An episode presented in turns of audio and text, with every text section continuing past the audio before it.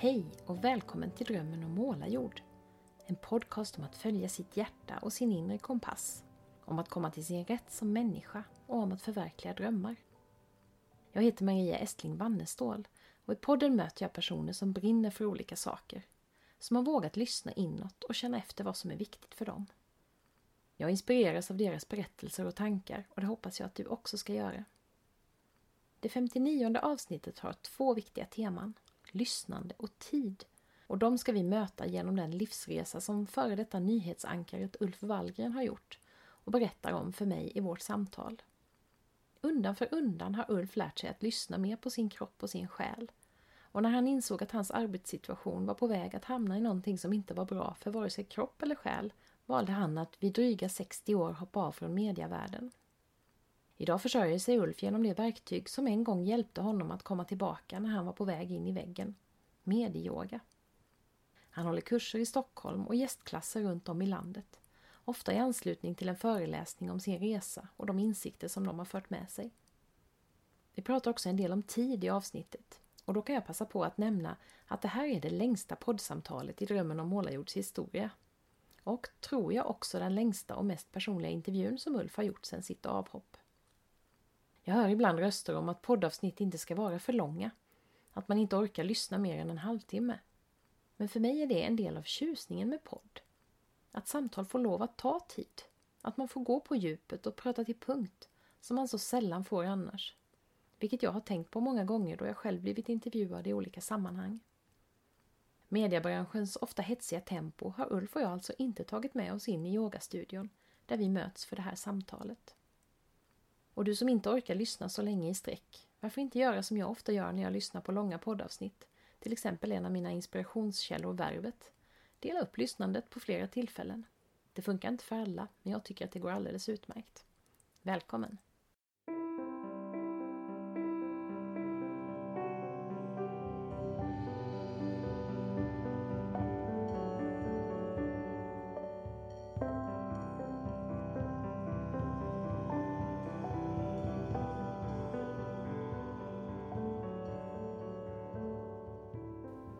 Ett känt ansikte för många. Du har varit nyhetsankare i många år och nu har du blivit Yoga-Ulf med hela Sverige. Och då blir jag genast jättenyfiken på vem som döljer sig där bakom de där yttre rollerna. Har du koll på det? Jag var också nyfiken på vem som döljer sig bakom den här masken. och det är faktiskt lite grann så att den frågan har blivit mer och mer aktuell för mig också under åren som har gått där. Jag ställde den ofta till mig själv även när jag jobbade på Sveriges Television. Därför att där är det ju lätt så att man blir gubben i rutan. Det mm. kändes ett tag som man gick omkring med den här TV-rutan runt omkring mig bara. Och det var den de såg. Alltså jag märkte det i mötena med människor. Det liksom tingeling i ögonen på dem. Så det de såg var ju en människa som de är vana att se. En person som de uppenbarligen tycker har en viss trovärdighet att lita på, därför har en visst förhållande till. Och det kan jag förstå för att det är en sån kraftig genomslagskraft. Men när man eh, möter det här hela tiden ute på stan och i privatlivet, då börjar man ju längta efter att eh, få kontakter med människor också där man känner att de eh, ser bara mig. Mm. De ser privatpersonen Ulf. Så att frågan är ju faktiskt väldigt intressant. Vem är jag egentligen? Och på något sätt så har jag liksom ändå efter att fråga mig det här ett antal omgångar börjat fundera på om jag ändå inte är en person som är lite annorlunda än vad jag hade föreställt mig. Jag tänker i termerna av att jag kanske är en, någon slags oförlöst konstnärssjäl i grund och botten och inte den här intellektuella personen som jag hela tiden ändå har strävat efter att vara. Från mm. det att jag började läsa på universitet till att jag började jobba som journalist. Hela tiden var tvungen att hålla mig allmänbildad och kunnig om många olika frågor. Mm. Många gånger som kanske inte ens var sådana saker som jag var så speciellt intresserad av. Men eh, där jag kände på något sätt att eh, det var inte riktigt jag ändå det här. Därför att det som intresserar mig är mera av estetisk art har jag märkt mer och mer. Det är någonting som finns inom mig som vill ut och som jag vill uttrycka. Jag är otroligt intresserad av bilder och fascinerad av bilder. Mm. Och det hänger ju naturligt ihop om man jobbar med, med TV också. Men det är inte bara det utan det är liksom alla bilder som jag ser i vardagen. Jag ser ständigt massa bilder som jag skulle vilja ta om jag hade haft en kamera med mig. Vilket jag nu har släppt lite grann för jag tänker att det gäller att leva också. Det gäller inte bara att, att dokumentera allt. Men i det här tänket så till exempel är jag vansinnigt förtjust i musik. Jag älskar musik. Men jag kan inte spela. Jag kan tre ackord, ta på en gitarr, men jag får inte ihop det. Min dotter kan spela. Min mormor och morfar var oerhört musikaliska. Och jag kan inte. Det är en stor sorg. Ja. Så där är det ju kört för mig. När jag var ung så tyckte jag väldigt mycket om att teckna och måla. Där har jag väl lite bättre förutsättningar. Men eh, jag ser ju när jag är ute och tittar på olika utställningar så blir jag inspirerad och vill komma hem. Gud, jag måste komma igång och rita och teckna. Måla akvarell. Då försöker jag. Och det blir inte bra det heller. Det enda som återstår i grunden på något sätt är möjligen då det jag har pysslat med ändå i mitt journalistiska jobb att använda språket som ett uttrycksmedel. Där finns det nog en längtan om att försöka ändå hitta en personligare touch än det nyhetsspråk som jag är van med att bara formulera mig i ett kort och koncist och effektivt språk. Mm. Det roar mig att formulera mig på ett sätt som jag märker kan engagera och väcka tankar och mm känslor hos människor. Ja, just det, som går lite mer in på hjärtat och inte bara ja, till hjärnan. Ja. Precis. Och där lite grann, det kan ju tyckas lite torftigt kanske som ett konstnärligt uttrycksmedel, men lite grann är det så här att eh, jag pysslar lite med det på sociala medier också. Tycker om att vrida och vända på ord och tänker, mm. ja det här vill jag fram här. Nej, så där ska jag nu uttrycka mig istället. Och det är ju så kort och koncist. Det är ja, också väldigt, jag vet inte hur många tecken man får in på Instagram eller Facebook, men det är ju inte långa sjok av texter. Så det gäller verkligen att hitta någon slags pregnans i det där. Och en kollega till mig som sa, Joar Bendjelloul som numera jobbar på DN, men var hos oss på Sveriges Television ett tag och sen gick över till radion. Han sa, du är nog en mästare i det lilla formatet, sa han. -huh. Och jag tror att han tänkte att jag jobbade mycket då när vi satt tillsammans på morgonprogrammen till exempel, att hitta de här lite roliga överlämningarna till varandra. Sånt som ändå kan lätta upp lite grann hos människor och inte kan göra det lite lättare att ta till sig hela det här nyhetsutbudet som många gånger är ju tungt mm. och i många fall deprimerande också eftersom Just. det är så många otäcka saker som händer mm. runt omkring oss.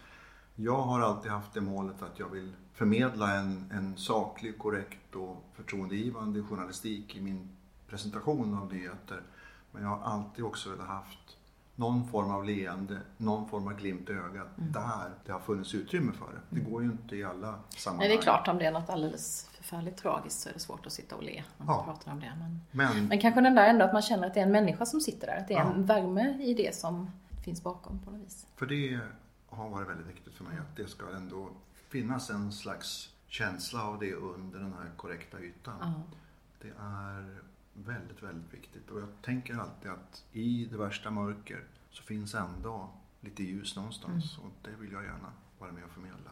Så vi får se Ja. Om jag kan gå så långt som du. Du har ju redan provat på det här och skrivit flera böcker. Ja, men det är ju roligt för det är ju på samma, egentligen samma sätt som jag har utforskat det här då. Att börja med någonting väldigt korrekt. Jag skrev ju då en avhandling och jag skrev forskningsrapporter och sen blev det läromedel, sen blev det blogg och så småningom blev det skönlitteratur. Så jag har gått liksom hela svepet från det allra mest formella, strikta, med extremt mycket regler, till att idag skriva helt fritt. Sen kan det klart finnas regler i det fria skrivandet också. Oskrivna regler kanske, men det är väldigt spännande att göra den resan. Så loppet är inte kört för mig? Det är definitivt inte kört. Men däremot funderar jag på om du har en väldigt stark inre kritiker eftersom du säger att du kan inte måla, du kan inte musik. Är det verkligen så eller är det du själv som tycker så bara? Du har psykolog är du också. Sätt tummen rakt på, på en kärnpunkt här. Jag ja. är nog en väldigt eh, hård person mot mig själv. Ja. På ett sätt. Jag, jag har hela tiden det här tvivlet inom mig som mer eller mindre torterar mig. Mm. Duger jag verkligen?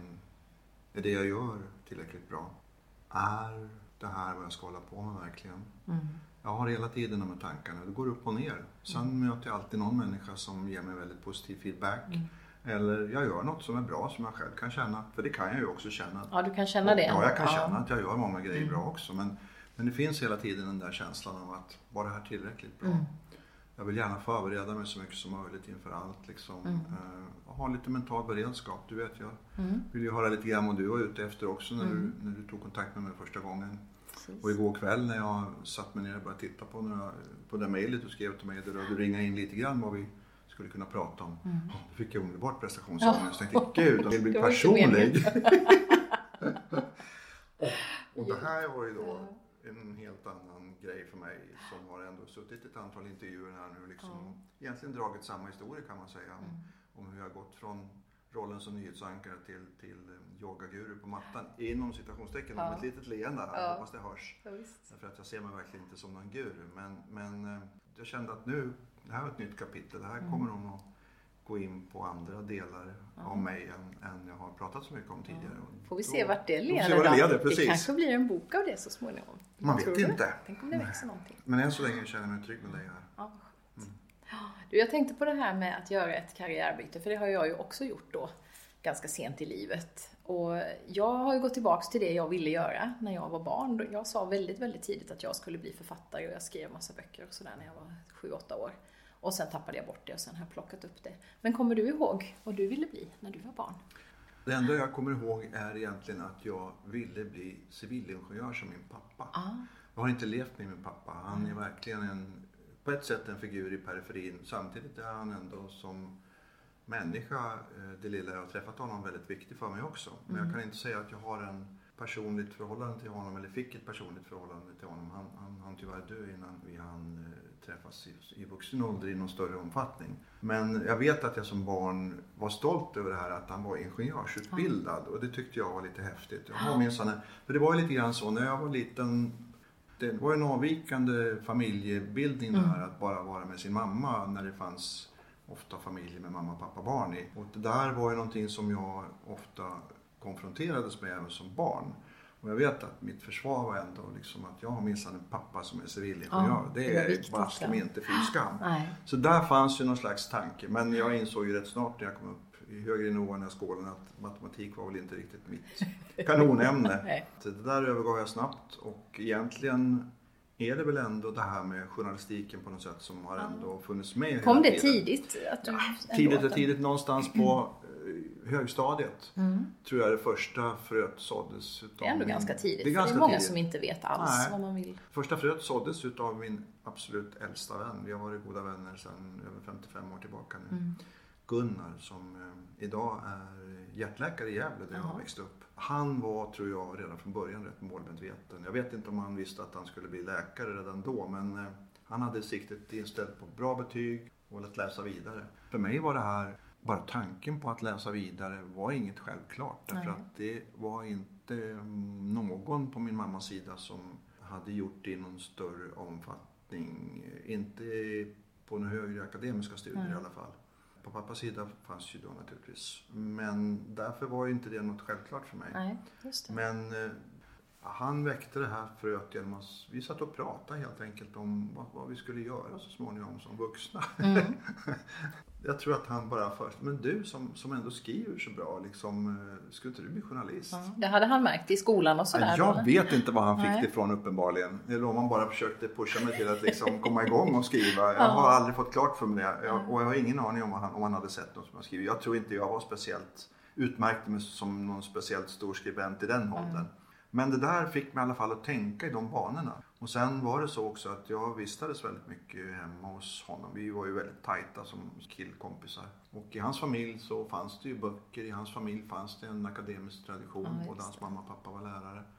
Och det där har inspirerat mig och gjorde det då framförallt, gav mig insikten att man, man kan om man vill. Mm. Och det finns en värld som består av böcker.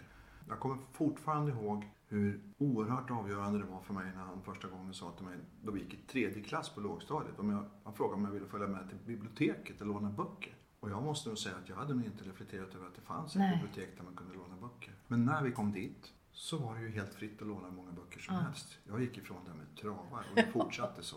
Och där, Där där det väcktes ja. det här tror jag. Det var ju långt tillbaka i tiden då egentligen. Långt före innan vi kom till konkreta diskussioner om vad vi ville hålla på med som vuxna. Ja.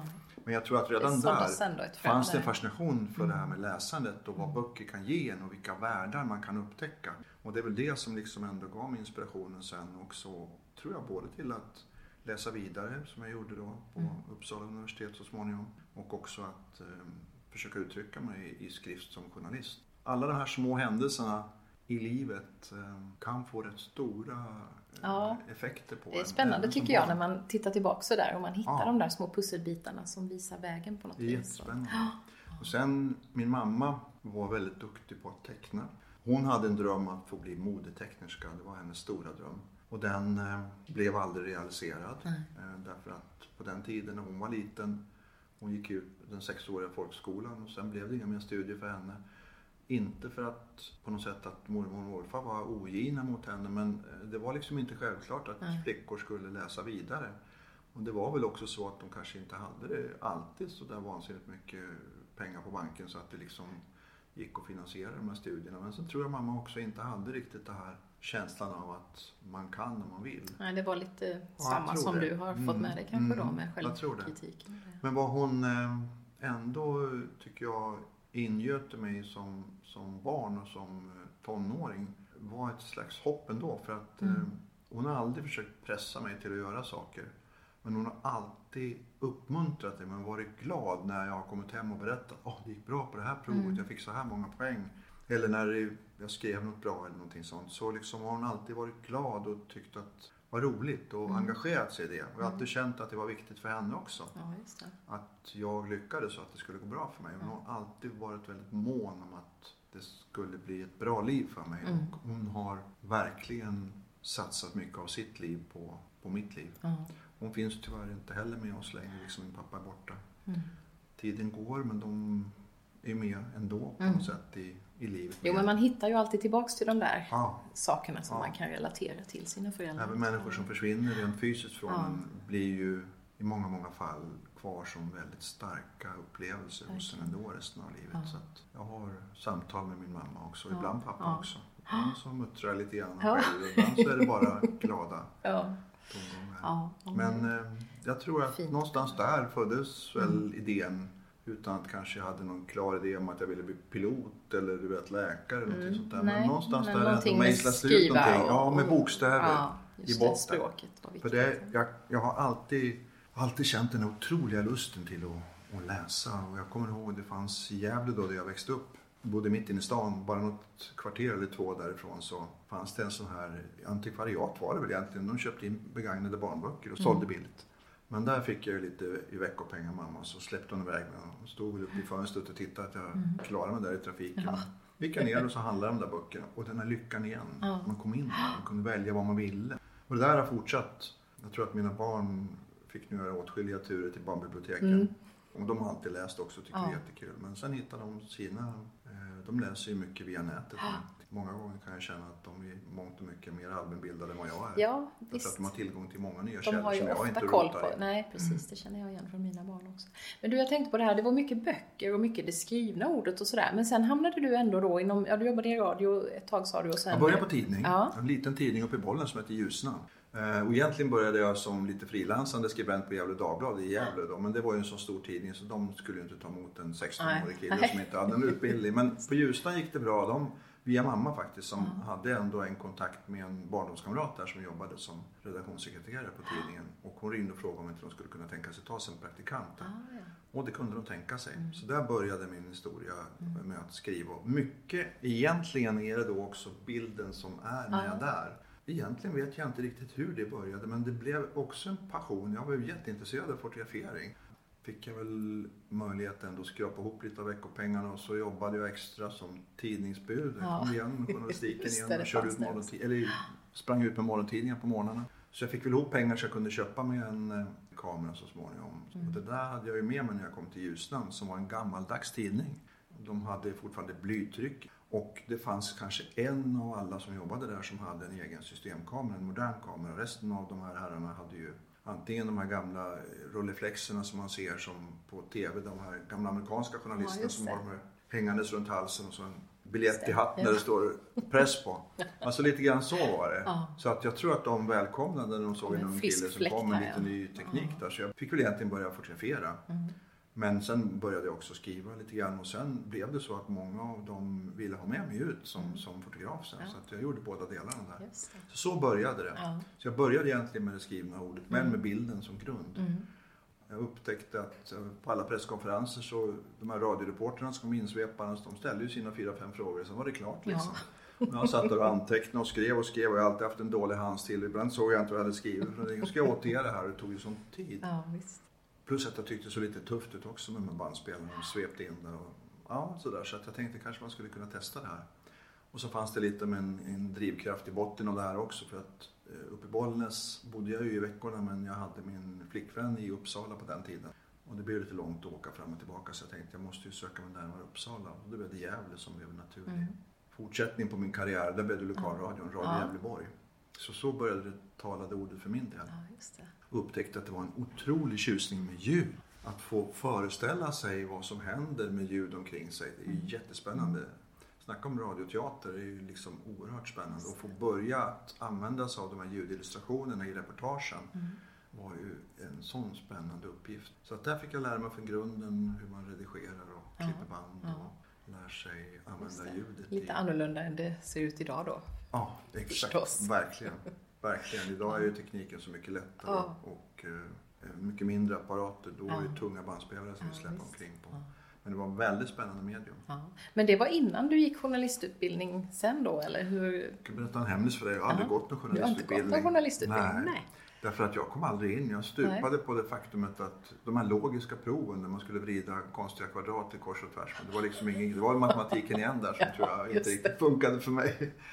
Nej, det där var inte något. Jag, Nej. jag tror jag sökte en eller två gånger till JMK, Journalisthögskolan, men kom aldrig in.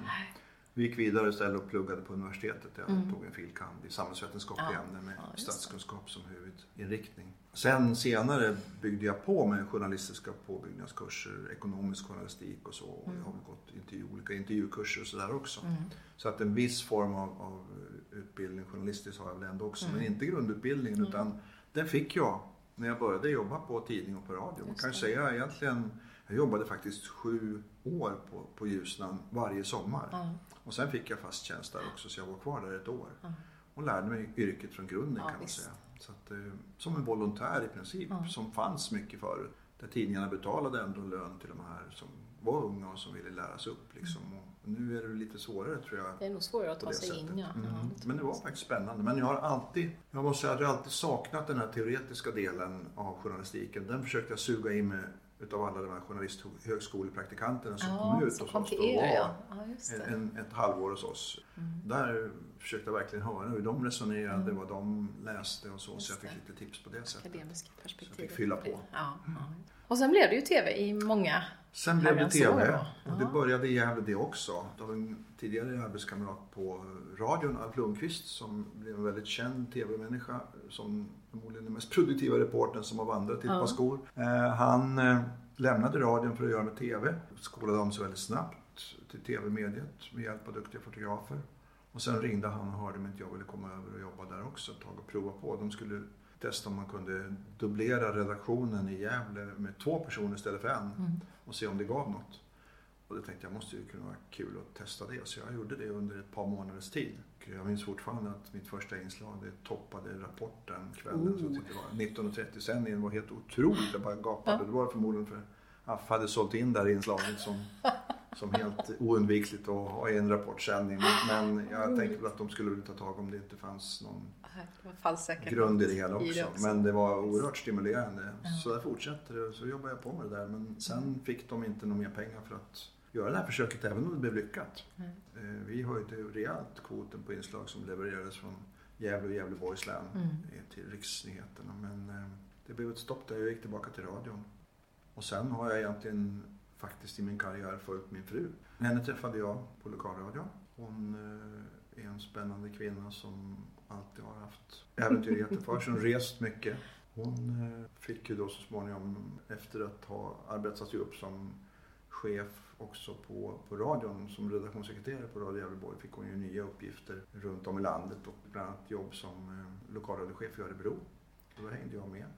Då hade jag tänkt från början att jag kan väl jobba med lokalradion också. Eh, Men det tyckte de inte var så bra där att ha chefens man som reporter där. Och då började jag tänka att det kanske inte var. Vi var ju så vana att jobba så, för vi hade jobbat ihop på radion i Gävle. Det var ingen som reflekterade Nej. över det. Bara man håller isär privatliv och arbete Precis. så kan det ju funka Ja, så är det på många arbetsplatser. Ja. I akademin inte minst. Där det är väldigt Ja. många Precis. gifta par. Mm. Ja. Mm. Där i Örebro tyckte de inte var en bra idé och då var jag tvungen att hitta på något annat. Så då hörde jag mig för på TV där.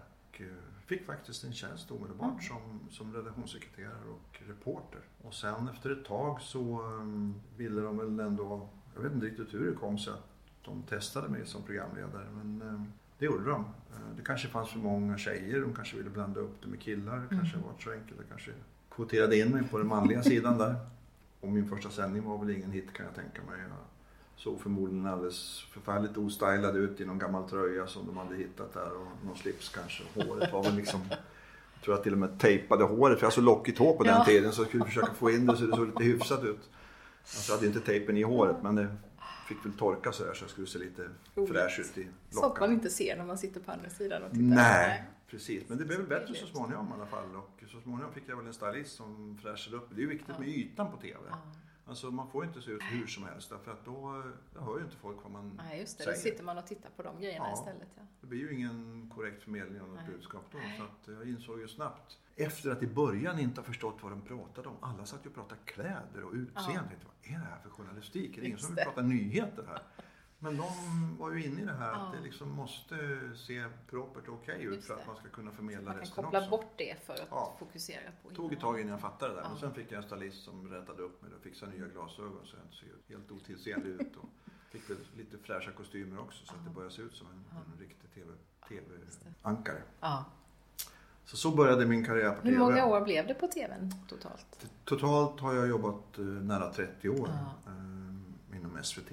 Och då, har det, då måste det ha förändrats rätt mycket under de åren. Ditt, Ja. ditt Ja, arbetsliv det. också då. Verkligen. Det har blivit väldigt mycket eh, hetsigare kan jag säga. Ja. Tempot har ju skruvats upp rejält. Mm. Givet takten med att allt fler plattformar som man ska publicera sig på. Det är klart allt. Både i TVn och på, på webben Ja. och även på sociala medier Ja. förutsätts vi vara aktiva. Det.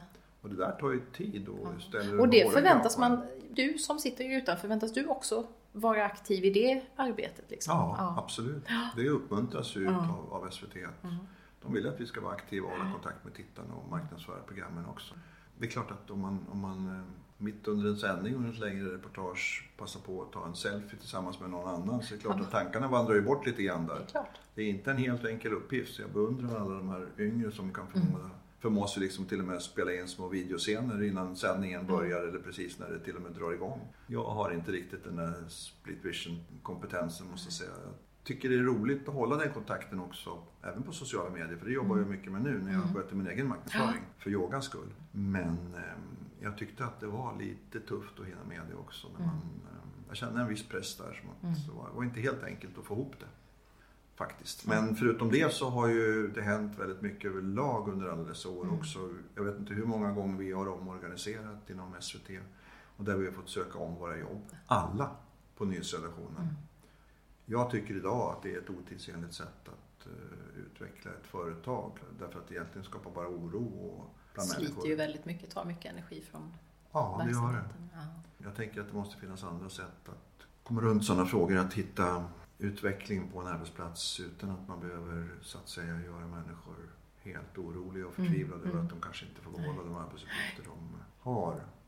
Jag kunde ju inte känna under den tid jag var där att jag var helt säker att jag skulle sitta kvar som programledare. Jag har ju sett ett antal människor som har kommit och gått under årens lopp. Ja. Trots att du var så erfaren och hade funnits där länge. Ja, så var det det finns inte. många stora som har fått lämna av en eller Ja. annan orsak. Det är viktigt att göra de förändringarna i dialog med de som Mm. Man jobbar med. Därför att då tror jag att det blir bra. Mm. Då kan man hitta andra spännande utvecklingsmöjligheter för de som kanske inte längre är det som SVT vill ha. I, i, Nej, men just att ta vara på den kompetensen Ja. och erfarenheten och använda den till... Så var det ju inte nu när jag slutade. Det handlar ju inte om min kompetens eller att de inte ville ha mig kvar. Utan det handlar ju helt, om helt andra saker. För min del handlade det ju om arbetstiderna som Mm. eh, blev outhärdliga till Ja. slut. Ända sedan 25-årsåldern så har jag jobbat olika skift. Som, som värst jobbar jag i fyrskift. Man jobbar både morgon, dag, kväll och natt. Ja. Det var oerhört jobbigt tycker jag. Visst. Jag hade, fick väldiga sömnsvårigheter när jag Mm. jobbade nattpassen. Och senare nu också när jag jobbade med morgnar så Mm. blev det till slut för tungt för mig. Mm. Vilket gjorde att, att jag ville sluta. Mm. Nu är jag den första som verkligen vill understryka att det finns vansinnigt många människor som jobbar på det här sättet.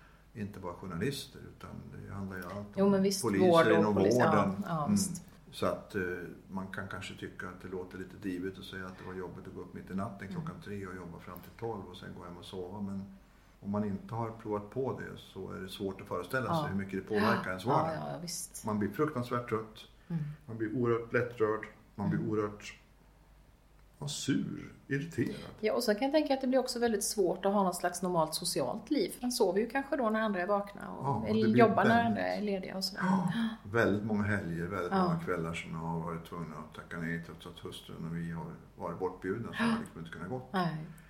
Och så där är ju samhället. Ja. Det slutar ju inte klockan åtta på kvällen utan fortsätter ju och, och vissa måste ju jobba vidare med Visst. det. Men jag tänker att alla kanske inte passar för det. Nej, och man kanske inte ska hålla på med det ett helt liv heller. Man kanske kan Nej. göra det under en period och sen kanske det är dags för andra att Så tänker jag det. också. Mm. Och eh, jag har ju ändå gjort det här sedan jag var 25 år och Mm. fram till att jag fyllde 62 då.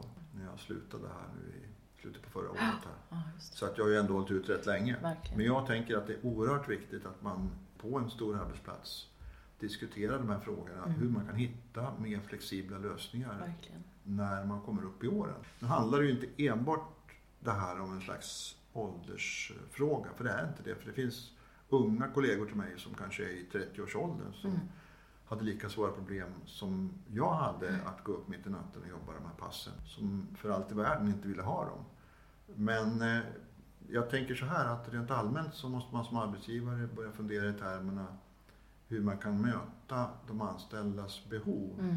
I större utsträckning. Därför att vi har ju, eh, som du själv har egen erfarenhet av vad jag förstår, många människor som hamnar i sitsen att de sitter både med små barn och gamla föräldrar. Mm. Mm. Och det här är ingen lätt sits att få ihop ett sånt liv. Nej. Och då är frågan, kan man hitta lösningar under en sån period där det här är, där man kan jobba på ett annat sätt? Och senare kanske jobba mindre, färre helger, Ja. jag vet inte. Och sen när man väl eh, är eh, i en sits där livet förändras så kanske barnen är större, föräldrarna kanske inte finns kvar. Nej. Då kan man ju jobba Då mer. kan man ja, nej, men det är ju, för det handlar ju om mänsklig hållbarhet på något sätt, tänker jag. Och jag har sett det så mycket i akademin också det här med att man, man liksom inte, man ser inte människorna bakom och deras liv och att det faktiskt finns ett privatliv bakom som också måste fungera om man ska kunna prestera bra på jobbet. Så måste man ju också må någorlunda bra i sig själv och sådär. Så Mm. att, eh, jag tror jättemycket. Och nu vill inte jag utmåla SVT på något sätt som en dålig arbetsgivare. Tvärtom så tycker jag under årens lopp så har jag haft väldigt goda erfarenheter Ja. av, av mitt företag. Och jag har haft en fantastisk tid. Mm. Det var en otroligt rolig tid. Men precis som alla andra stora organisationer så måste också Sveriges Television tänka i de banorna. Jag tror det är oerhört viktigt att man fattar att de anställda är det absolut viktigaste Ja. kapitalet man har. Och ska man hålla länge då kan man inte betrakta folk som pinnar i ett, i ett pussel. Nej. Utan man måste se dem på ett mer personligt Mm. plan. Och det där tror jag, utan att ha gjort någon vetenskaplig studie av det hela, så tror jag att stora organisationer har svårt för Ja. det här. Och det ser jag inte minst eftersom min hustru jobbar inom konsultbranschen när det gäller organisationsutveckling. Så kan jag se att det finns ju mycket att göra där Ja. i kontakterna mellan arbetsgivare, mellan anställda och även bland cheferna. eh, Där det handlar om Precis. att försöka få till en, som du säger, hållbar Mm. arbetsmiljö. Mm. är För det vinner ju alla viktigt. på. Om man ser de här lite mer långsiktiga kanske tankarna och inte bara ska lösa Precis. för stunden. Det är Exakt. det som jag tycker är problemet väldigt ofta. Mm.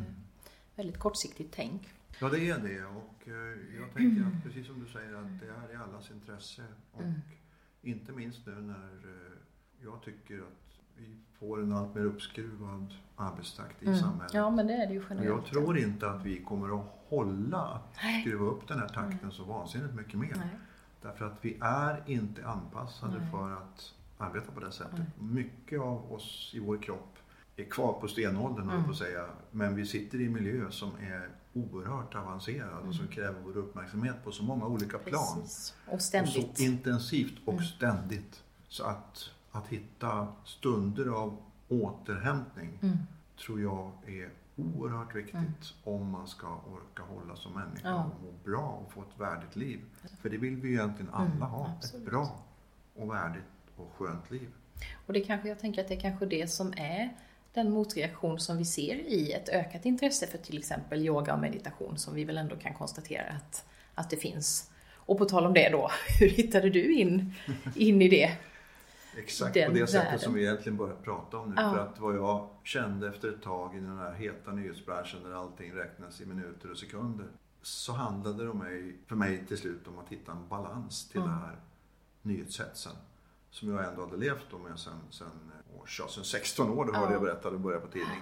Eh, Och även om takten har skruvats upp på senare år så Mm. har det ju, det ligger ju i själva yrket. Ja, det ska visst. gå fort. Från det att man kommer till att Händer man ju slutar. saker hela tiden. Det händer saker hela Mm. tiden. Inte minst i media Verkligen. där man hela tiden jobbar framåt mot de här sändningarna som idag egentligen är ett helt annat sätt att jobba på än när jag började. Mm. Då hade vi ju fasta sändningstider. Ja, Nu är vi ju på hugget att kunna gå upp inom 15 minuter. Ja, när ja, någonting. det händer Då någonting, ska ja, man köra visst. på och kan sitta besittandes två, tre timmar, fyra timmar ibland och Ja. sända direkt. Så att eh, det har hänt oerhört mycket och i den här hetsiga utvecklingen så kände jag allt mer att jag verkligen behövde en balans i tillvaron. Mm. Och då började jag söka mig runt efter att hitta den här balansen någonstans. Egentligen började det långt tidigare för jag har hållit på med yoga i sju år ungefär. Mm. Men innan dess började faktiskt mitt intresse för kroppen och stress att väckas.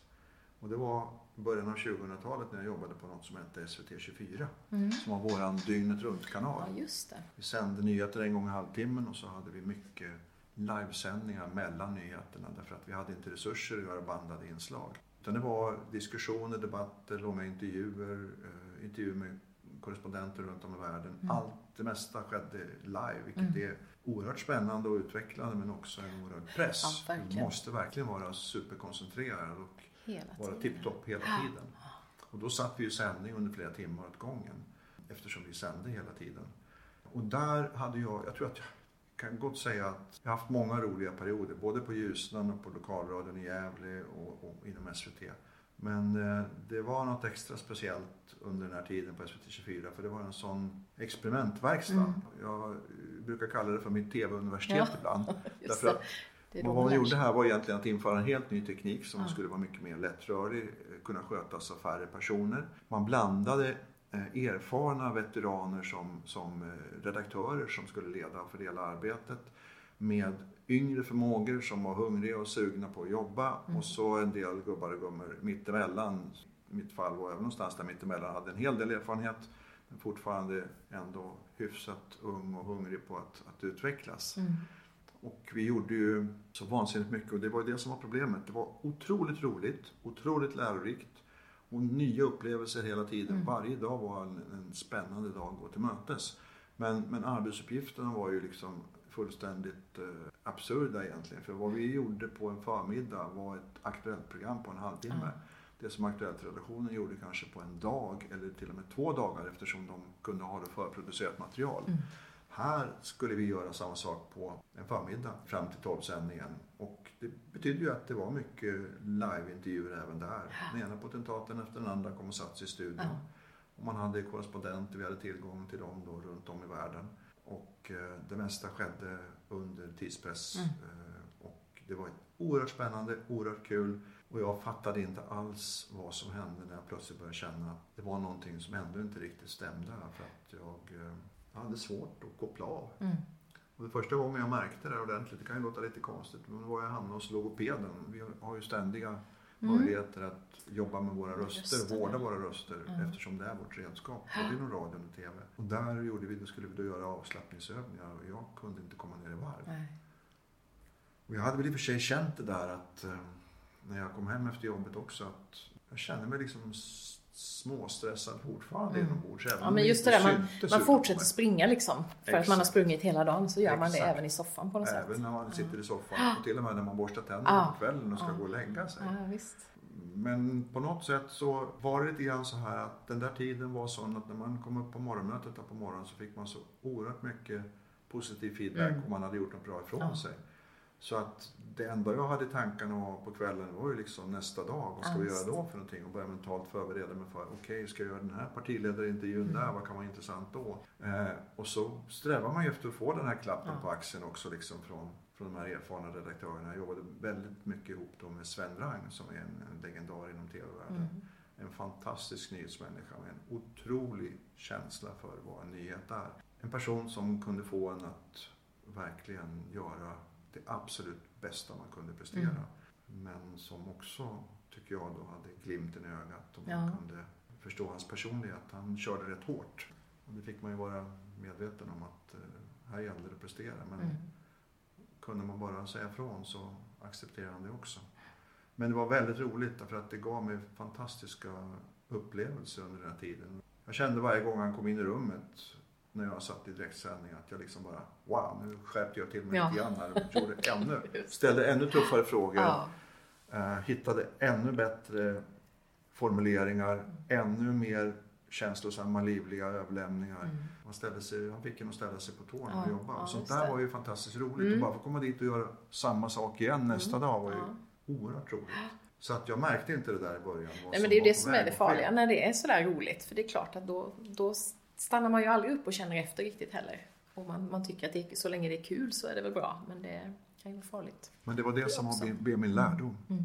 Därför att jag gick inte in i väggen, men det var vansinnigt nära. Ja. Jag hade inte många centimeter kvar Mm. mellan näsan och betongväggen kan jag säga. Och jag fick lära mig då, när jag eh, fick kontakt med företagshälsovården, via en klok företagsläkare, som sa att du måste fatta att man kan inte bara ha roligt på jobbet. Nej. Man måste ha tråkiga stunder Mm. För att få återhämtning. Yes. Hade jag aldrig hört talas om. Nej. Men jag hade bara kört på och tyckte Ja. att livet var så kul Ja, och så visst. skoj och underbart att få göra det här. Men jag insåg ju att han hade rätt. Därför att vad jag behövde var just tid att liksom verkligen varva ner och gå ner i varv och lugn och ro. Och då var det så lyckat att på företagshälsovården hade de då en eh, jätteklok eh, sjukgymnast som hette Kerstin Melander som var oerhört intresserad av just avspänningsövningar. Hon hade redan då, tycker jag, ett klokt tänkande i, i stil med mindfulness, alltså medveten närvaro och hela den här biten. Så hon jobbar väldigt mycket med mig och hon märkte rätt snart, hon sa till mig, du tycker det är vansinnigt skönt att bara ligga här på golvet och ha armarna utsträckta och benen och bara slappna av och öppna upp. Ja, sa jag. Tyckte det är fantastiskt jätteskönt. Mm. Varje gång jag kom till henne så liksom, åh. Så där gick det att göra det. Det som inte gick när du gick hos den här logopeden, för där sa du, där funkade det inte med de här avslappningsövningarna. Men Nej. här kunde du. För jag fattade inte Släppa. riktigt vad det var för nej. någonting. Hon, hon var jätteduktig den här logopeden. Och jag, hon har Ja. hjälpt mig senare. Ja. Under tiden när jag har hamnat i kortare kriser rent tekniskt. Men då, när jag var där hos henne, då hade jag inte, jag förstod Du var inte jag hade redo då helt hade enkelt. inte den Nej. insikten. Men när jag kom dit och fick svart på vitt av, av honom, här företagsläkaren, att Ja. det här måste du tänka på. ja, precis. Och eh, när jag förstod att det som, jag hade ju klara symptom, hjärtat gick ju orytmiskt på mig. Ja. Jag hade väl liksom lite smått sömnproblem då också. Mm. Och det där fattade jag på honom att så kan man inte hålla på. Då insåg jag att jag måste göra något åt det.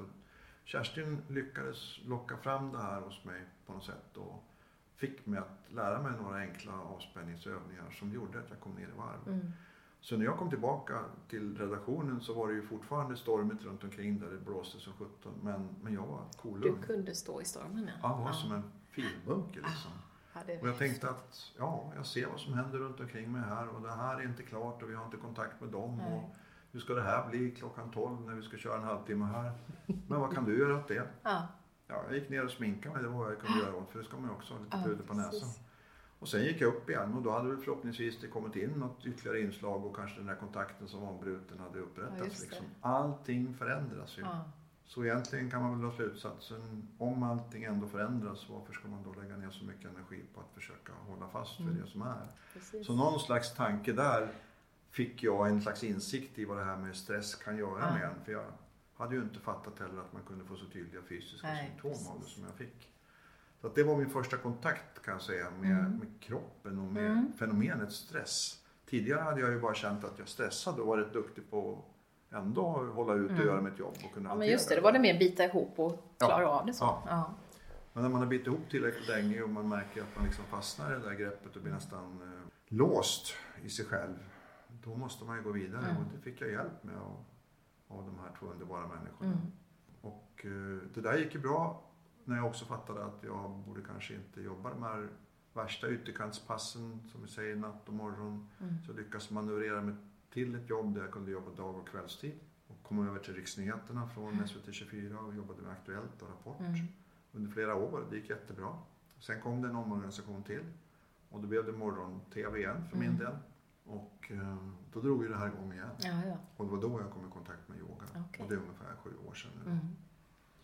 Och då eh, hade vi inte längre företagshälsovården i huset så det var inte så lätt att på samma sätt att bara kunna slinka ner och få Mm. hjälp som det var då. Ja. Så jag började söka mig lite själv och leta efter vad som skulle kunna tänkas hjälpa mig. Mm. Som meditation till exempel. Mm. Fick jag prova. Provade också um, olika former av yoga faktiskt. Mm. Eh, Både ashtanga yoga och kundalini yoga. Men ingenting av det där var någonting för mig. Meditationen därför att okej. jag fick liksom, var, jag vet inte, jag kommer ihåg, det var, någon, det var inte TM utan någon annan form av meditation där man fick sitta i ett rum 45 minuter och bara tänka på ett enda ord. Mm. Det höll på att göra mig fullständigt vansinnig. Ja. Jag trodde jag skulle fastna i det här och inte liksom skulle få bort det här ordet i hjärnan på mig. Jag blev knäpp liksom. Kände, nej det där kunde inte jag förklara mig. Nej. Det funkar inte. Mm. Så sökte jag mig till den här yogan, ashtanga yoga. Det är den tuffaste yogan Ja, av alla visst. tänkbara yoga Mm. i princip. Och det var en jättecool tjej som var väldigt rolig och väldigt avspänd i sitt förhållande till yogan. Som var väldigt duktig tycker jag. Men Mm. Jag kände ju att, att göra de här övningarna som är rätt avancerade koreografiska övningar med Mm. solhälsningar och alltihopa det här som det kallas för. Det var ingenting för min nacke. Jag hade ju skaffat mig en whiplashskada på köpet Jaha, också ja. i jobbet. Mm. Som blev en arbetsskada så småningom. Vi blev, Ja. krockade med bilen i en tunnel på väg Ah. ut på ett jobb. Och eh, då insåg jag att det där var inte riktigt Nej. min grej. För jag kände att de där symptomen från whiplashen kom tillbaka. Ja. Och så fick jag prova det också kundalini-yoga som ju egentligen utgör grunden till den här medyogan Mm. som jag håller på med. Men den läraren, om jag ska vara ärlig, han var inte bra för mig i Nej, alla fall. nej. Han, jag, han lyckas inte förklara det här på ett bra Nej. sätt för mig så jag förstod vad det handlade om. Det är ju mycket, det är ju lite som i en terapi egentligen. Alltså det är ju någon slags personkemi som måste funka mellan en yogalärare och den som utövar den, tycker jag. Absolut. Det känner jag igen Och det är väldigt också. olika. Man kan verkligen uppleva Oh, ja. olika saker Ja. tillsammans med olika människor. Men då fick jag tips av en, en person som sa att, som hade själv gått hos en kille som hette Göran Boll som hade grundat något som hette Medyoga-institutet. Jag ringde honom och han eh, hade ju jättemycket att göra så han var väldigt trevlig och så. Men ehm, han hänvisade mig till en annan lärare istället. Men jag kände liksom att det var ändå det här tipset om Göran som liksom, hon hade förmedlat så väldigt klart att han var så bra. Så jag tänkte jag Mm. ringer tillbaka och tjatar lite på honom till två veckor senare. Då sa han okej, kom ner då. Jag har en halvtimme över här. Du kan komma ner till min studio där vi sitter Mm. nu. Ehm, och så pratade vi en stund och han ja, förhördes lite mer om mina problem. Vad jag behövde hjälp med och så. Och sen fick jag lägga mig på en yogamatta där och så lärde han mig två andningstekniker. Varav en är det, som jag ser det mest grundläggande i hela den här medyogan. Det vi kallar för det långa djupa yogiska andetaget. Som i sig är ett sätt att andas på som eh, gör att du blir fullständigt cool. Och det var exakt vad som hände mig på den här Mm. yogamattan den där stunden. Jag kände hur allt det här som jag hade inne i kroppen plötsligt stannade upp och la sig. Jag fattade inte vad som hände.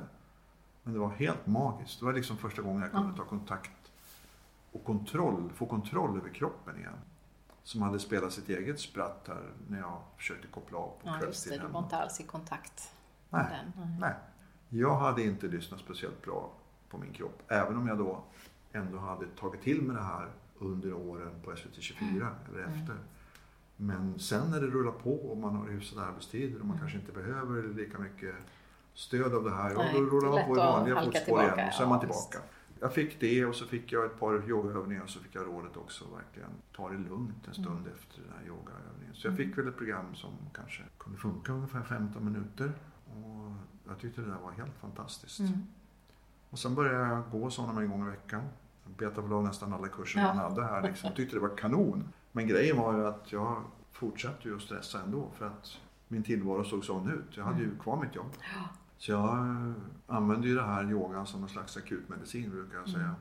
När det började bli stressigt, ja då kastade jag mig bilen, åkte in från Täby och så in hit och så snabbt bytte jag om och slängde mig på mattan och låg där och liksom kände hur jag var superstressad och hjärtat dunkade väl där och svetten rann och tog säkert 20 minuter innan jag Bara landade. komma ner i varv. Ja, och sen gick det en timme och så var jag lugn igen. Ja, Och så där höll jag på första året. ja. Tills jag insåg att det var helt sjukt att hålla på och stressa Ja. igen för att bli avstressad. Just det, man ska skynda sig till yogasalen för att stressa av. Alltså, ja, Mm. det har vi pratat om Det var också. inte så där lågt. Nej. Så då började jag höra mig för vad ska jag göra åt det här? Och då sa Göran, jag tycker du ska gå en enskild terapi hos en yogaterapeut. Eh, Och det gjorde jag och fick ett specifikt eh, yogaprogram utskrivet åt mig då utifrån den problematik som jag hade då, bland annat stressproblematiken. Eh, Och det där gjorde ju att jag kunde få in det här i tillvaron på ett annat sätt. Det- Dels just att det var specialdesignat för mig Ja. gav mycket mer effekt då än det här allmänna som jag hade fått från början. Men också det att det blev hanterbart, att det var bara 15 minuter gjorde att jag kunde göra det varje dag. Mm. Jag kunde ju inte gå upp mitt i natten klockan två när jag skulle börja jobba tre och Nej. göra yoga. Nej, och inte ens 15 minuter om man ska vara ärlig orkade jag. Men vad jag kunde göra att jag kunde göra det när jag kom hem. Gjorde jag en timme då, då somnade jag Mm. efter 10 minuter. Men visste jag att jag skulle göra 15 minuter, då höll jag mig vaken. Mm. Så det funkade och det gav Ja, men det är ju det där att hitta sin, Ja, sin väg in Ja. i det. Det tror jag också. För det har tagit mig också lång tid att hitta liksom, vad är det i yogan som talar till mig och vad är det jag Ja. behöver och vilken form funkar för just mig. så där vände väldigt mycket kan jag säga. Där blev det ju liksom bra. Eh, Och där jag fick verkligen eh, börja hitta en balans i tillvaron ändå eh, med hjälp av yogan. Mm. Det kändes bra. Mm. Men så är det ju så här ibland att det hjälper inte enbart med att använda sig av en, en ny teknik som ska kunna liksom hjälpa en att rätta upp sitt liv. Ibland måste man göra någonting åt grundförutsättningarna Mm. också. Och mitt fall var det då att jag märkte ju att till slut att även om det hade gått bra under så många år med de här obekväma arbetstiderna men ehm, jag kände ju att det här skulle jag inte kunna hålla på med så vansinnigt länge till. Det slet verkligen på kroppen. Mm. Jag brukar säga att jag efter de här två morgonpassen som man ofta hade på raken, ibland var det fyra, då var Mm. man ju svimfärdig. Ja. Men eh, det hörde ändå till sällsyntheterna för mig, oftast var det två. Men det räckte för att jag skulle känna mig som, som om jag vore överkörd Mm. av en ångvält. Jag var så slut. Ja. Och det tog en eller två dagar innan jag kom tillbaka från det här. Och det var väl också det att jag kom upp i åldern lite grann. Mm. I mitt fall var det nog säkert så. Andra har ju inga problem. Nej men det är visst, det är en personlighetsgrej också. Men jag tror det är nog ganska vanligt ändå. Och kanske också det att man känner efter mer. Att man, man liksom inser att man måste göra det också. Det kanske är lättare att rusa på Jag tidigare. det. Jag tror att med ålder och någon slags... Man blir lite livs- varsammare med sig själv Ja, också. när också. man inser att man kanske inte har den fysik man Nej. hade när man var 25. Nej, För att då tycker man ju att man är fullständigt Ja, odödlig ja, och visst. orkar med det mesta. absolut. Men var det, då, var det då som du kom in på det här att du skulle utbilda dig och jobba med det professionellt då, eller hur? Mm. Det där är en rolig historia. Ja. För att när jag väl fick styrsel på det här och kände att jag liksom ändå hade det här som att jag kunde verkligen känna att det gav en fin balans. Så att jag, jag tycker faktiskt att jag blev en bättre, mycket bättre tv-programledare Mm. av Ja. att göra yogan. Därför att jag blev lugnare. Mm. Och jag blev också, du vet när man håller på med yoga så är det inte bara det att man blir rörligare i kroppen utan man, det händer någonting annat med hela människan också. Mm. När du blir lugnare och mindre stressad då är det som att du vågar lita mer på dig själv Mm. och på din kropp. Just det. Och då är du mer öppen Mm. för vad som händer och sker runt omkring dig. Mer öppen för möten, Ja. mer öppen för att ta in nya intryck.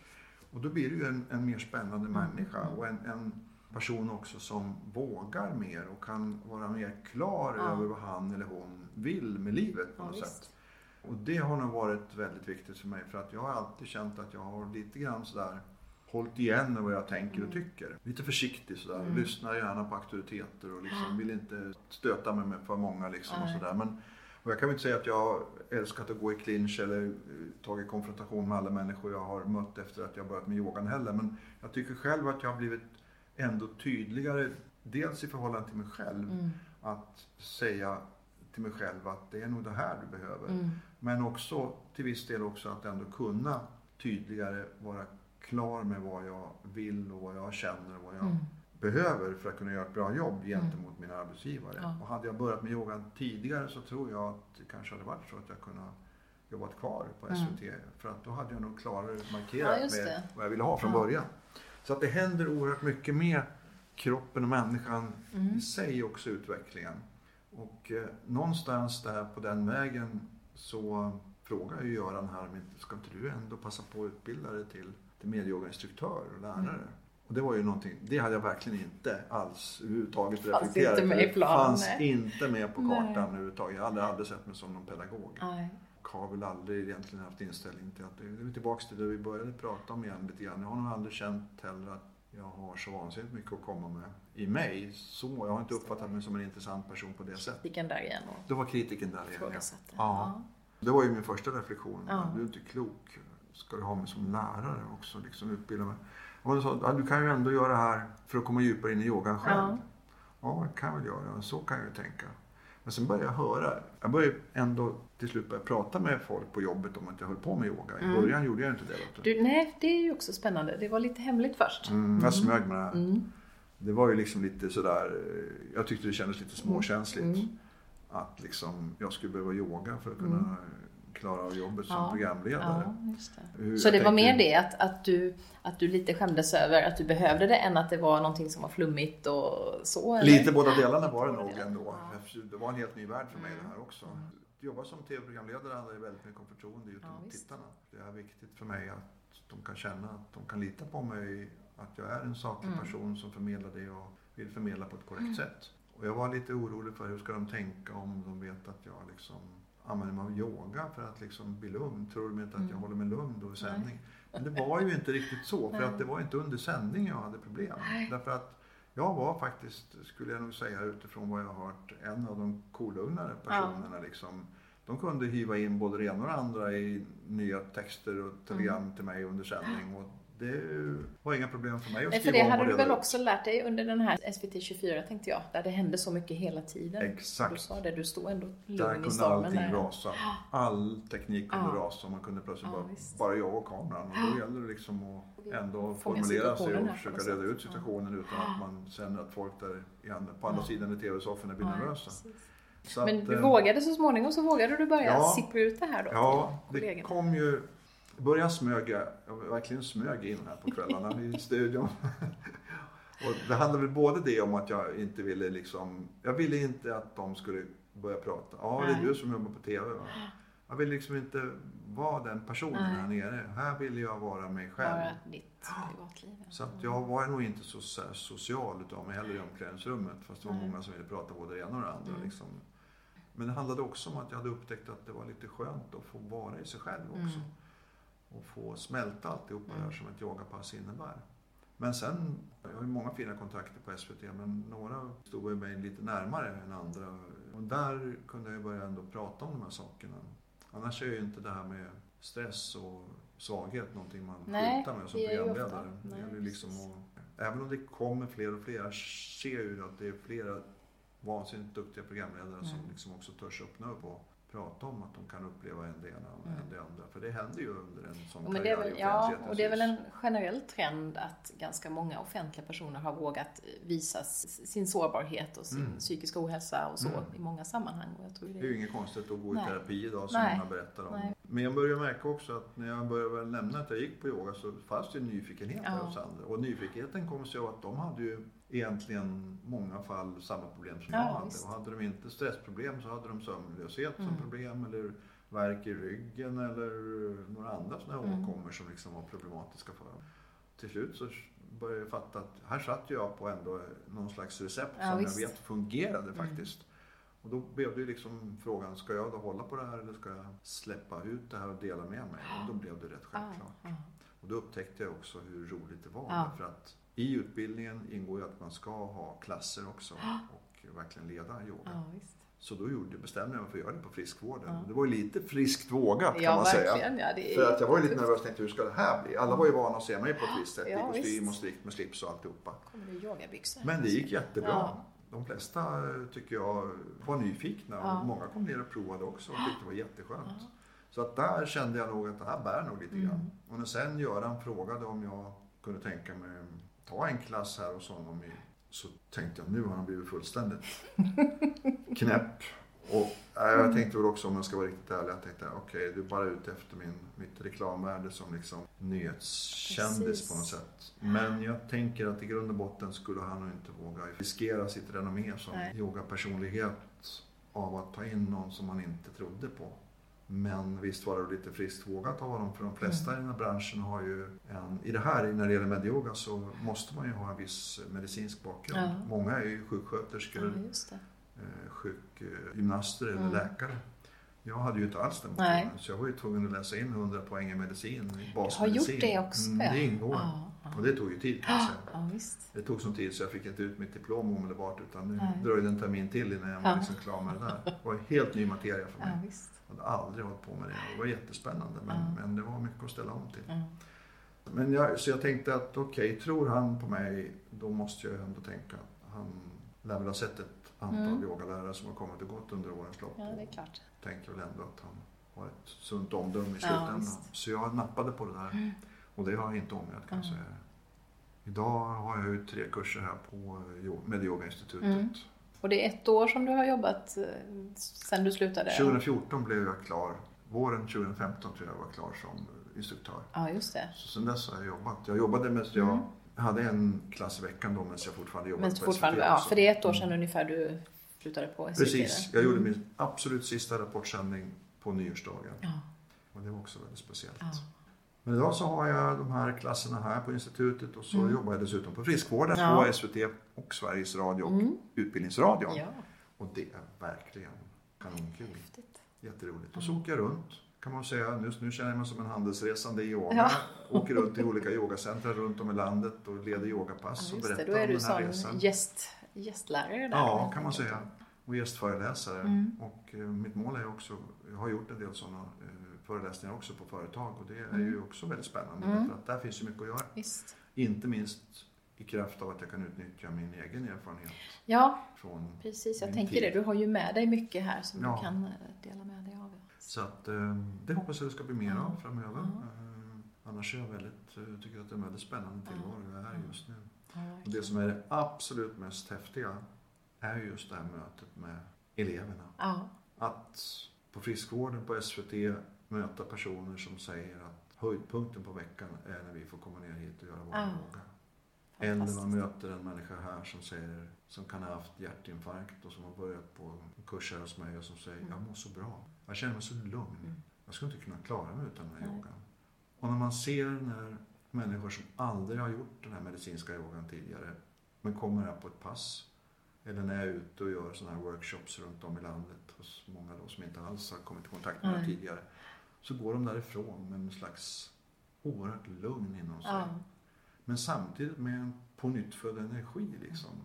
Och en elev nu som sa som, jag gick därifrån med en helt ny studs i steget hon. ja. Och det är båda delarna. Ja, men det är så häftigt. Det tycker, känner jag igen från yogan också. Just Ja. det här att det är samtidigt lugn och energi. Men det, blir en, det blir en bra energi som man tar med sig och, och bär med sig in i vardagen sen på något vis.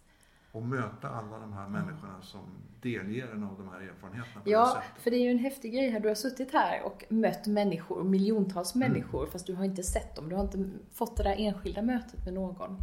Och här får du en helt annan typ av möten. Det är en Mm. väldigt spännande Jag har kontrast. alltid haft god kontakt med tittare. Ja. Ehm, och det är ju inte ovanligt att man, folk kommer fram på stan och vill prata. Men det är ändå en annan sak att sitta framför en TV-kamera. Ja. Man kan inte föreställa sig en Nej, miljon publik. Nej, nej. För mig har det i alla fall varit omöjligt. Jag får tänka på en enskild person om jag vill liksom förmedla någonting speciellt. Men här sitter du i ett rum med kanske 35 personer som Mm. Finns runt omkring dig. Som visserligen under längre tid av, av passet blundar för att Mm. kunna hålla koncentrationen Ja. inom sig själva. Men de finns där och de ger en omedelbar respons på det du gör i Mm. rummet. Och det är en väldigt häftig kontakt. Mm. Att känna det här att man verkligen kan bidra och göra nytta Mm. för att få människor att må bättre. Det, det är en sån obeskrivlig upplevelse. Mm. Jag är så glad och, vad ska jag säga, vördnadsfull Ja. inför att jag nu befinner mig i den här situationen och i den här sammanhangen. Får äran och glädjen att föra ut Ja. det här budskapet om medyoga till människor runt om i Sverige. Det är ja, det är jättehäftigt. väldigt, väldigt stort. Ja. Jag har en väldigt ödmjuk Ja, inställning ja, till men det förstår jag. Jag känner igen det också från andra sammanhang. Jag tänkte bara på medieyoga jämfört med andra. Alltså det är den här medicinska biten, det är att man har en sån bakgrund. Är det den största skillnaden? Eller vad är, liksom, vad är den stora skillnaden jämfört med... Den största skillnaden skulle jag säga är att den här yogan kan göras av alla. Ja, Det är verkligen vad jag allt mer kommer att kalla det Ja, för, det. folkyoga. När man tänker ofta på yoga tänker man att någon som lägger upp benen Mm. bakom nacken, men det här är inte frågan om det här. nej. Det är väldigt enkla, lugna, stillsamma det. rörelser. Det är ju en terapeutisk yogaform som syftar till att skapa balans inom dig, både fysiskt, mentalt och emotionellt. Mm. Och det är en yogaform som verkligen går på djupet i dig. Alla de här enkla övningarna kan verka fullständigt harmlösa men de har en oerhörd effekt på Ja. hela din kropp. Ja, Och det som Göran har gjort klokt är att han från början när han startade det här i slutet på 90-talet hela tiden har sett till att han har kunnat hålla en tät kontakt med olika medicinska forskare Mm. som har tittat närmare på den här yogaformen och vad den kan göra för olika patientgrupper. Mm. Vi har gjort studier på ryggpatienter, på hjärtpatienter, på folk med sömnlöshet, på folk med stresssymptom. Många olika sådana saker och det finns vansinnigt mycket kvar att göra. Mm. För det är inte en fullständig forskning idag, men det finns flera intressanta rapporter som visar och pekar på ett entydigt resultat att medyogan gör skillnad Ja. för hur du mår och hur du upplever din situation. Som ryggpatient, många berättar att de har en definitiv symptomlindring. De sover bättre, känner sig gladare, är mer positiva. Jag möter ständigt människor som liksom berättar, senast bara för någon månad sedan, om en man som berättade att han hade så fruktansvärda ryggsmärtor. Det enda som återstod enligt läkarna var att steloperera honom. Han ville inte det. Utan han hade istället lyckats få tag på en medyogaterapeut här i stan. Madeleine Wilhelmsson som driver Yogamana här i Stockholm. Mm. Och jag tror inte han gick så vansinnigt länge, kanske en termin eller någonting sånt. Och sen var hans ryggbesvär borta. Ja, är... Han kom på ett pass som jag var hos hos henne. Jag vikarierade för henne en, en lunch, ett lunchpass där. Och innan han sprang ner och la sig på mattan där så sa han, vet du, det här är magiskt. Ja. Och det är det här som hela tiden man möter. Mm. När man mitt upp allt upp kan kanske möta kritiska röster, men kan det där verkligen fungera? Mm. Och är det verkligen sant alltihopa det här? Och man börjar tvivla själv lite grann. Tänker, är det möjligt att, Mm. ibland kan man inte förklara vad det är som Nej, sker. Nej. Då möter jag alltid någon som berättar de här historierna. Mm. Och då känner jag, det här finns ändå vetenskapligt bevisat i ett hyfsat antal rapporter, även om det behövs mer. Och jag möter hela tiden människor som ändå kan. Klart och tydligt berätta att det här har hjälpt dem. ja, visst. Och då kan du känna trygghet i det. Att Verkligen. det är någonting som du kan stå Verkligen. bakom. Ja. Så att det är både det här att du kan, du kan, alla kan göra det. Det finns ändå en, en medicinsk forskning bakom Mm. som visar att det fungerar. Och de som jobbar i många fall har en väldig kompetens Mm. medicinskt sett. Det har ju inte jag. Jag har ju en grundkurs i, Mm. i basmedicin. Och då får jag anpassa mig efter det. Jag Mm. konsulterar mina mer erfarna Ja, kollegor när jag behöver hjälp och stöd. Och jag är otroligt försiktig och rädd om mina elever. Mm. Jag är, eh, utarbetar ständigt alternativa övningar om Mm. jag tycker att de är för avancerade. Ja, jag vill att alla verkligen Alla ska, kunna göra dem. det. Ja. Och jag vill att ingen ska göra sig illa. Nej. Utan de ska gå härifrån och känna att de mår bra, är i balans, Mm. lugn och har en, verkligen en skön upplevelse Ja. i kroppen. Då, då är jag Då nöjd och då tycker jag, då Och sen- känner jag att det funkar bra. Så är det så häftigt tycker jag det här att det är ju både det fysiska och det mentala eller Mm. själsliga på något sätt. Mm. För som du beskrev det förut det här när du började yoga och du kände att du fick den här, ja men mod och våga vara dig själv mer. Och alltså det är ju sådana saker också. Det handlar ju mycket om närvaro både i kroppen och tänker jag. I knoppen. eh, Ja, knoppen. eller var det nu sitter. Ja. Mm. Alltså det, det är jättehäftigt. Fast det är mer att gå från knoppen till kroppen egentligen. Ja, att ja. vara i sin kropp Ja. och att lyssna på vad som finns där. Ja, visst. Kan ju låta lite mambo jamba när man ber folk att lyssna in och Ja. låta känna efter. Vad, är det, vad, vad, vad säger din kropp dig? Mm, mm. Men vi brukar säga att det liksom finns allting du behöver Ja. veta, alla svar du behöver när du, på de frågor du ställer dig själv. De finns, de har du inom dig. Men du måste lyssna. Lyssna. Om du inte gör det, Nej. då hör du inte den här rösten inom Nej. dig. Då hör du inte de här signalerna Nej. som säger Ulf, du ska nog inte jobba så här Just hårt just nu därför att din kropp mår inte bra. Nej. Ditt hjärta mår inte bra Nej, av det. Du kommer att slita ut dig. Du kommer att bli Mm. deprimerad om Mm. du ska sova så här dåligt. På slutet, när jag, innan jag lämnade mitt jobb här, när jag Mm. jobbade morgon, så sov jag bara två, tre timmar per Ja, natt. ja. När jag skulle upp och jobba morgon. Ja. Och det går ju inte. Det är klart att det inte funkar man inte. kan göra det i längden. Nej, verkligen. Så att jag var verkligen glad Mm. att jag till slut lyssnade. Nu Mm. blev det ju lite grann så omständigheterna tvungen eftersom man på slutet ville att jag skulle jobba både morgon och Ja. natt igen vid Ja. 62 års ålder. Ja.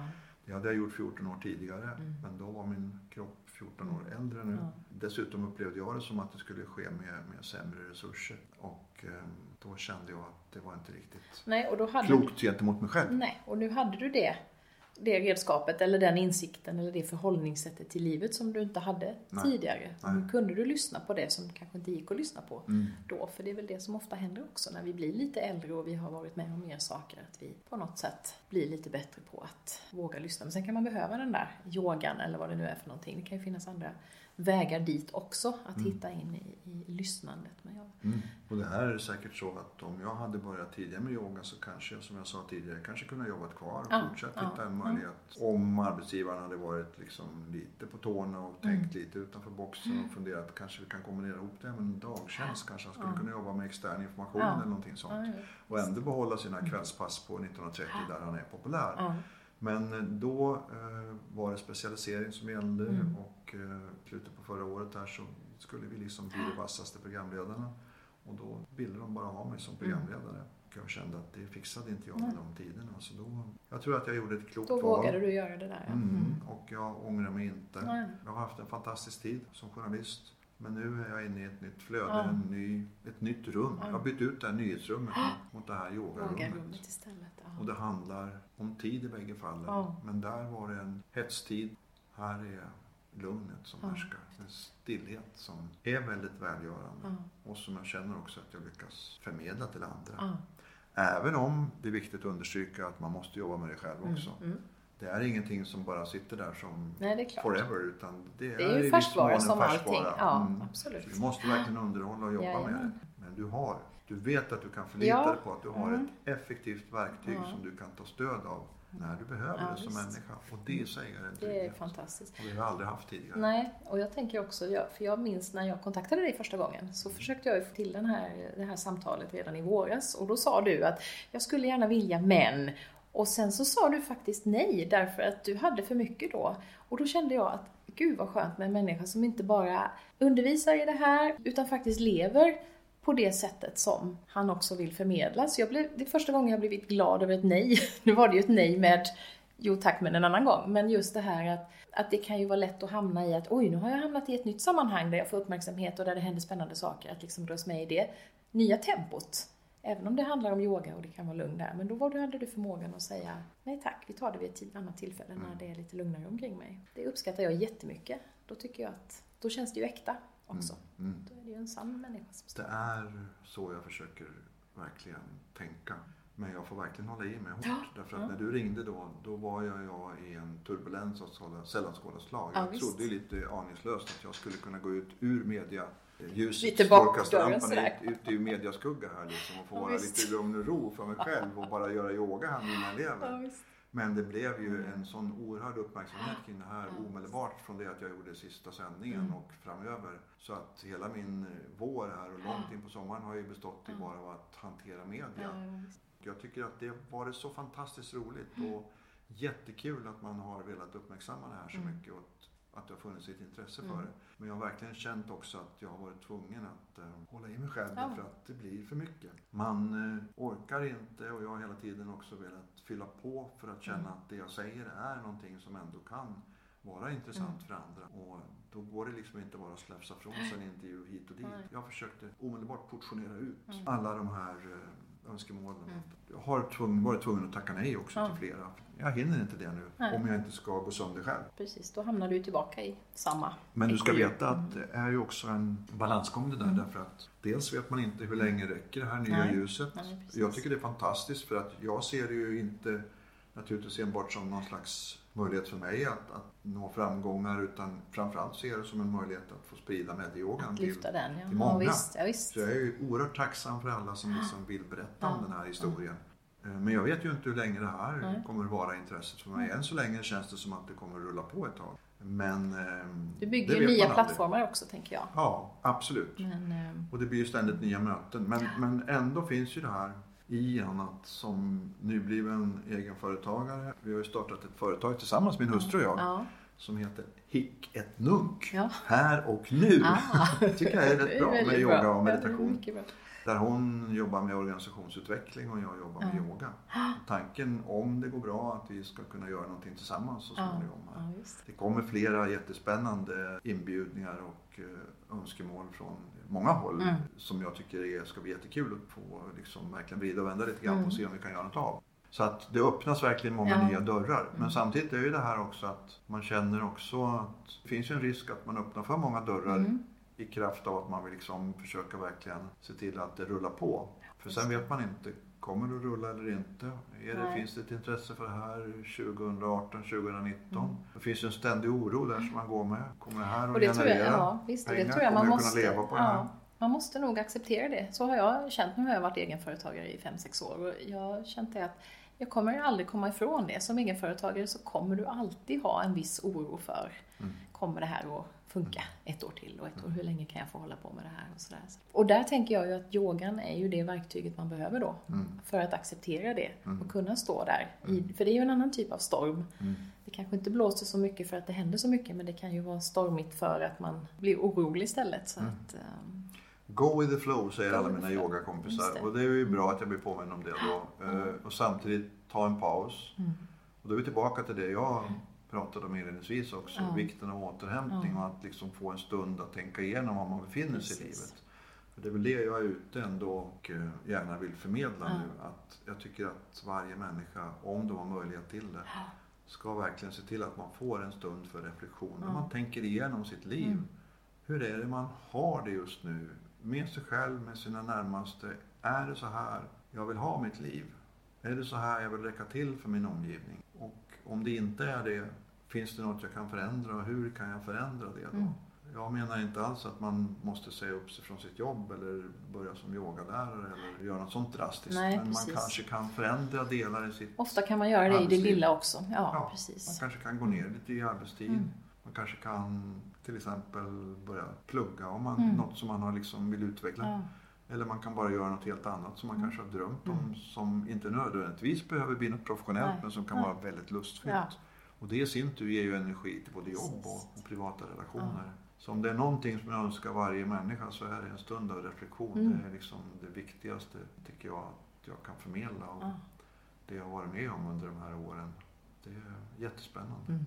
Och det tycker jag är ett väldigt bra slutord för det är precis som vad den här podden handlar om egentligen. Det är ju att stanna upp och fundera på var är jag? Vart vill jag?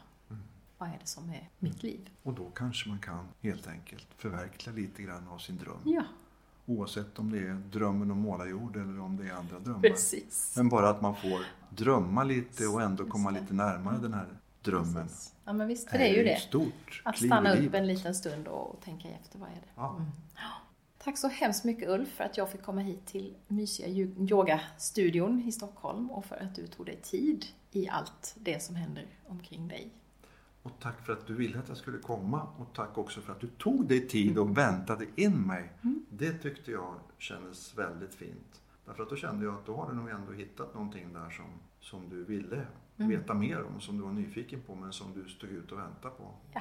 Och det uppskattar jag också. Precis som du gjorde att jag verkligen återkom till dig och sa nej där också. Mm. Det är viktigt att kunna säga nej Det är ibland. viktigt att kunna säga nej Men ibland. ack så svårt. Ja, verkligen. Men bra träning ger färdighet. Ja, precis. Tack så mycket. Tack.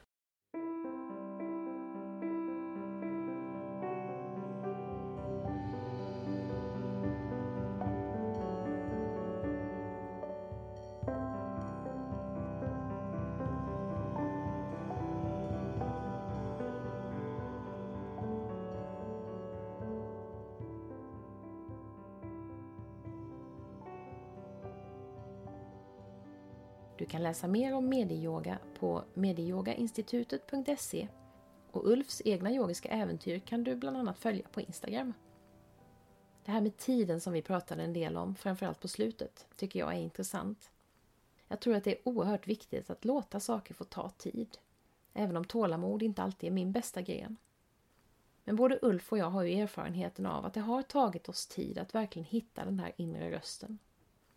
Jag tycker att det var intressant hur han beskrev att yogan hade hjälpt honom med det. Gett honom det han behövde för att våga stå upp mer för sig själv, sätta gränser och känna efter vad han vill med sitt liv. Det är ju precis det här som är huvudtemat för Drömmen om målarjord. Och kanske förklarar det varför podden blev utvald av tidningen Yoga World till en av de bästa svenska yogapoddarna. För det är ju inte så att den dräller av intervjuer med yogalärare precis. När den var med i tidningen hade jag bara haft en sådan gäst, Kina Persson i avsnitt 10. Däremot tror jag att tidningen hade fångat upp det där som förenar yogafilosofin, ACT, Acceptance and Commitment Training, som jag själv jobbar med, och podden. Vikten av att stanna upp och ta reda på vem just jag är, vad jag behöver för att både utvecklas och vara närvarande i nuet. Efter en bra början på min yogahöst har jag tappat lite fart under den senare delen. Framförallt för att jag fått lägga mycket tid på rehabövningar för en krånglande ljumske. Men jag längtar efter att komma igång mer regelbundet igen. Och snart är det dags för en årlig tradition, julaftonsyoga på Veda-yoga i Växjö med min poddgäst från avsnitt 51, Maria Ståhl. Till sist vill jag passa på att ge två julklappstips till dig själv eller någon som du tycker om. Dels får du ända fram till och med julafton rabatt på min webbaserade självreflektionskurs Den inre kompassen där du får utforska mycket av det som vi pratade om i det här samtalet. Läs mer på deninrekompassen.se. Dels så har nu den tredje bilderboken om Lovis ansjovis, Lovis ansjovis och jorden, just kommit från förlaget. Du hittar den i alla webbokhandlar eller beställer signerade ex direkt från mig. Du kan läsa mer om den och de två tidigare böckerna, Lovis ansjovis och rockpappan och Lovis ansjovis och glömskan, på Lovis egen fina nya webbplats, lovisansjovis.se. Och så måste jag också berätta att min roman nu finns i ny ljudboksversion inläst av den mycket populära Anna Gordenius. Jag är så glad att jag fick en ny uppläsning eftersom den förra versionen hade fått dålig kritik. Ljudboken finns överallt på webben, bland annat på Storytel och Nextory. Det blir nog ett till poddavsnitt före jul med Maja Öberg som hittat sin väg ut ur stressen med mindfulness, medveten närvaro och nu brinner för att sprida detta till bland annat barn i förskola och skola. Tack för att du har lyssnat idag och hej då!